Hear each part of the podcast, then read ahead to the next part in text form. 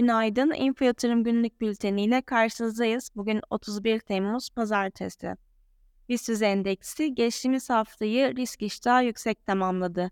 Enflasyon raporu toplantısındaki rasyonellik ve Türkiye Cumhuriyet Merkez Bankası Başkan değişiklikleri piyasalardaki pozitifliği arttırdı.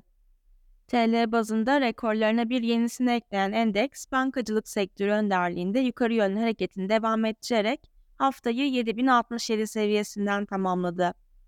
Cumhurbaşkanı imzasıyla yayınlanan karara göre Merkez Bankası Başkan Yardımcıları Emrah Şener, Taha Çakmak ve Mustafa Duman görevden alındı. Yerlerine Osman Cevdet Akçay, Fatih Karahan ve Cumhurbaşkanı Başdanışmanı Hatice Karahan atandı.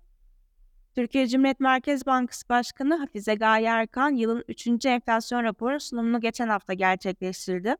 TCMB'nin 2023 yıl sonu enflasyon beklentisi %22,3'ten %58'e yükseltildi.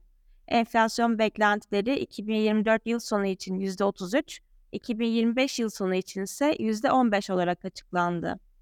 Fiyat istikrarının makro finansal istikrarın olmazsa olmaz olduğunu belirten Hafize Gaye Erkan, bu amaçla Haziran ayında başlatılan güçlü parasal sıkılaşma sürecinin kademeli, dengeli ve istikrarlı bir şekilde sürdürüleceğini vurguladı.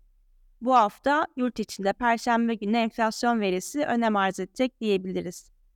BIST endeksinde 7025 seviyesi pivot olarak takip edilecek, 7140, 7210 ve 7325 seviyeleri direnç, 6950, 6840 ve 6770 seviyeleri destek olarak izlenecek.